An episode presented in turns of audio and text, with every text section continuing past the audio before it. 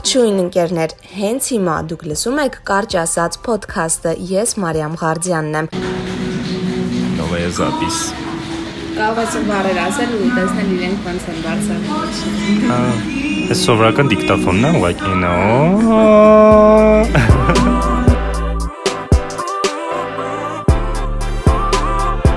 Ձայնը ծանոթ է։ Գրեթե վստահ եմ, որ հենց հիմա մեզ լսողները ճանաչեցին Ռաֆոին, ում նկարած հումորային վիդեոները շատ են նայելու անգամ իրար ուղարկել։ Իսկ ովքեր ծանոթ չեն, եկեք ծանոթանանք։ Դերասան։ Ահա որ հայտնի ինֆլուենսեր, Այո։ մնացածն է կարդամ։ Այո։ Բոլոր վիդեոներս Reels բաժնում են, համագործակցության համար գրեք DM։ Ճիշտն ասած ինձ ավելի շատ կարաս ասես ինչն է հետաքրքրել այդ ամեն ինչից։ Ահա որ հայտնի ինֆլուենսերը։ Քան ես միշտ եմ հոգնում վերևը։ Ինչի՞։ Բայց օրինակ դու ես սպիտակ թիշերտներով։ Չգիտեմ, ինձ կոմֆորտ եմ զգում սև մեջ։ Ես բայց սևը չի գույնը ընկած սերիա ինչ Որտեվ զեղչով է սա։ Որտեվ զեղչով 2009 թվական։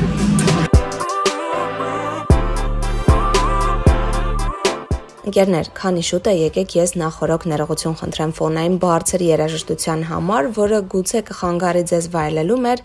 հրաշալի ոդքասթը։ Մենք մի մեծ ֆեյլի մեջ ընկանք ձայնագրման ժամանակ, որովհետև այն սրճարանը, որտեղ գնացել էինք, իդեպ քաղաքի լավագույններից էր։ 4 անգամ խնդրել ենք, որ երաժշտությունը մի փոքր ցածրացնեն։ Ասում էին շատ լավ, գնում ու այսպես բարձրել թողնում էին։ Երևի ինչպես եւ բոլորս սկսվել է իդի սկսվելուց, երբ որ կարանտին էր ու բոլորս նստեցինք տանը, այդ ժամանակ TikTok-ը դարձավ պոպուլյար, բացեցի էջ ու հենց այնտեղ սկսեցի նկարել հումորային վիդեոներ, բայց ոչ այս ձև ոնց որ հիմա եմ նկարում, այլ լրիվ ուրիշ է, ավելի շատ սկեչեր էին։ անցած տարի ոչ մի հայտնիություն չկար, մի 4000 հետևորդ ունեի ընդհանրապես TikTok-ում, դա որ քիչ է, ու այս տարի որոշեցի ռիսկ արեցի ու գցեցի Instagram առաջի անգամ առաջի վիդեոն գցեցի Instagram-ից երբեք չէի գցում Իսկ Instagram ռիսկը ինչով էր օրինակ պայմանավորված։ ամաչում էի կոմպլեքսներ ունեի օրինակ Այս TikTok-ի TikTok-ում կարողանում ես, իսկ այնտեղ Ստա չէ Insta-ն մի քիչ ավելի լուրջ էի համարում ու մի քիչ վախենում էի այնտեղ գցելու կոմպլեքսներս հաղթարեցի ու առաջի վիդեոն գցեցի ոչ մի բան չեղավ բնականաբար առաջի վիդեոից հետո բացարձակ ոչ մի բան։ Բացարձակ։ ոչ մի վատ բան չեղավ։ ոչ լավ բան եղավ, ոչ վատ բան եղավ։ Ուղղակի այդ վիդեոն նայեցին մարդիկ շատ քիչ դիտումներով։ Գցեցի երկրորդ վիդեոն, էլի ոչ մի բան չեղավ։ Գցեցի երրորդ վիդեոն ու գնաց։ Հա դու չէի հանձնում։ Այո, որ ոչ մի ոչ մի վատ կոմենտ չեմ ունեցել։ Բացարձակ ոչ TikTok-ում է։ TikTok-ում էլ չեմ։ Ну մեկը գրել է եկա տղա ես գնա աշխատի, չմտածելով որ ես աշխատում եմ։ Ես ապրում եմ իշոմից էլի։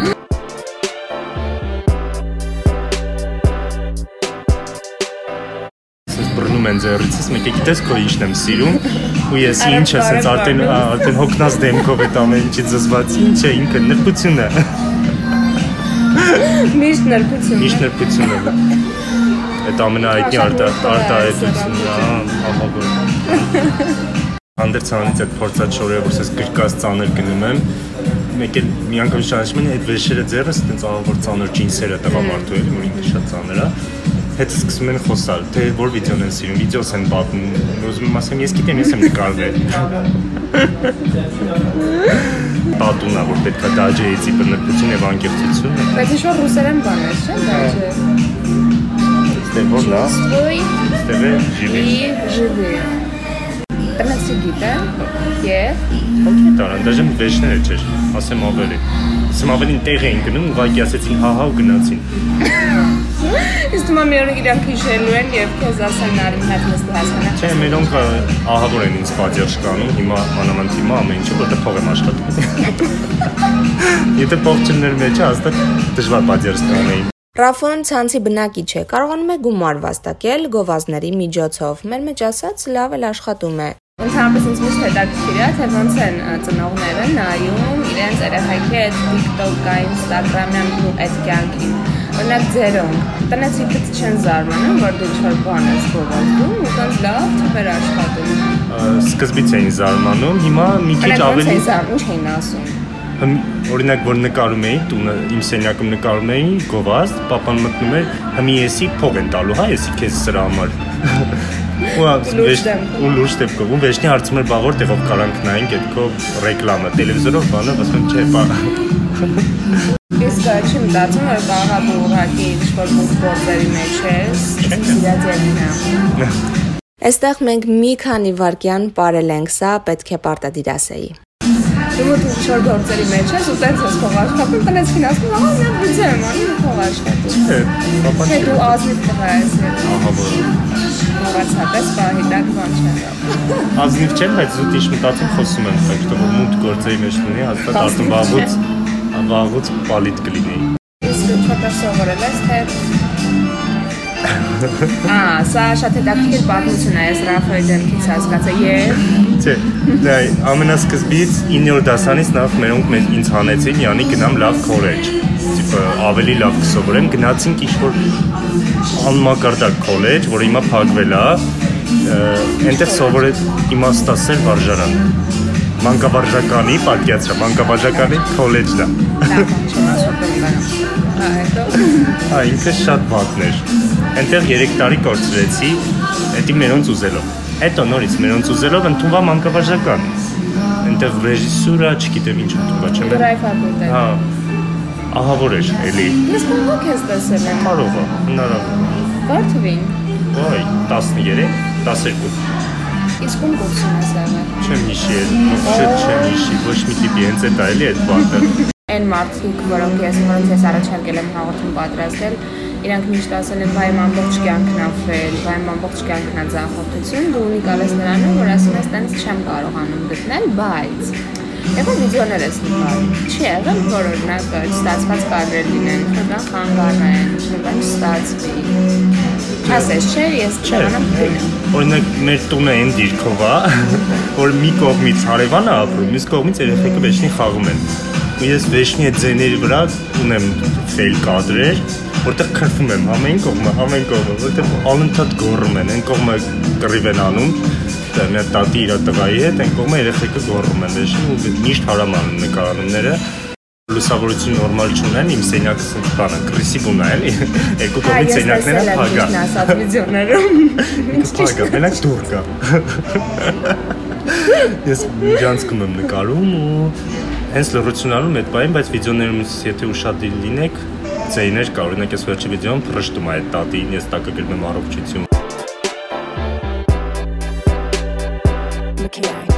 Եկանք, հասանք։ Գիտեք, որ միշտ հավաքվում ենք մեր ֆեյլերից խոսելու համար ու այնպես է ստացվել, որ Ռաֆոն ֆեյլեր չունի, դե տենց չունի, որովհետև իր ասելով կազմակերպված, զգուշավոր եւ կներեք այս բառի համար, բայց սա լավագույնս է նկարագրում իրեն, ակուրատնի մարդ է։ Բայց մեկ է, մի քանի բան փորփրել գտել ենք։ Դասարանում մի հատ տղա էր եկել, նոր էր, ինքը ինձ ը, խեղդեց գլխարկով, գլխարկը մցել էր բերանից, փակում էր։ Ես ահավոր բուլի եմ ենթարկել դպրոցում, հա։ Բուլինգ են արել։ Պատմես մի քիչ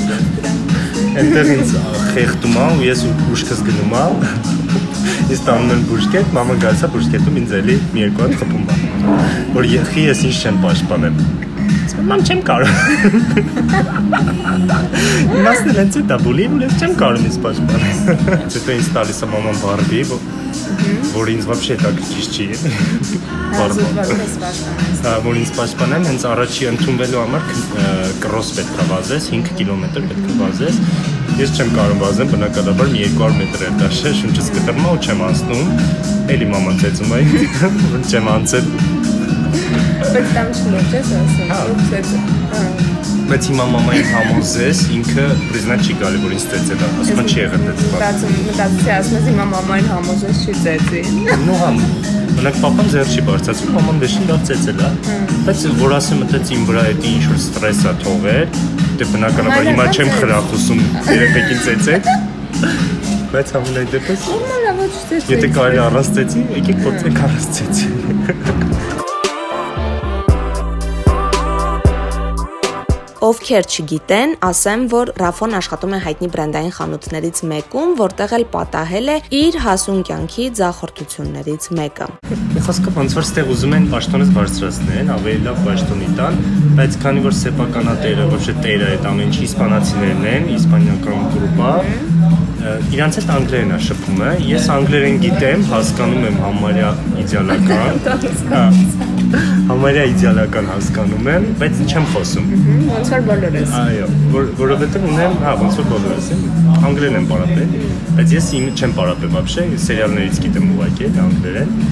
խոսքը մնան ստացվեց որ վերջապես ինձ բախտ վիճակվեց այդ շեֆի գլխավոր ով եկել է մի քանի օր Հայաստան խոսելու պատահական այն ստացվեց ինքը մենակ մնաց ես էլ կողնեի կանած ու կարա ինչ որ մի բան ասեի իրան որ ինքը ինձ approve անի հետագայում ու որ ես դառնամ նկատի քեզ որովհետև հարցազրույցի միջոցով այլ է դա այո վարի աչքը մտնեի աչքը մտնեի չստացվեց այդ բային իր այդ խոսան հետո այդ կորպորատիվ էինք ու վիդեո էի սարքել մեր ընկերության մասին այդ էինք նայում բոլորով նստած մի 100 քանի հոգի բոլորով նայում էին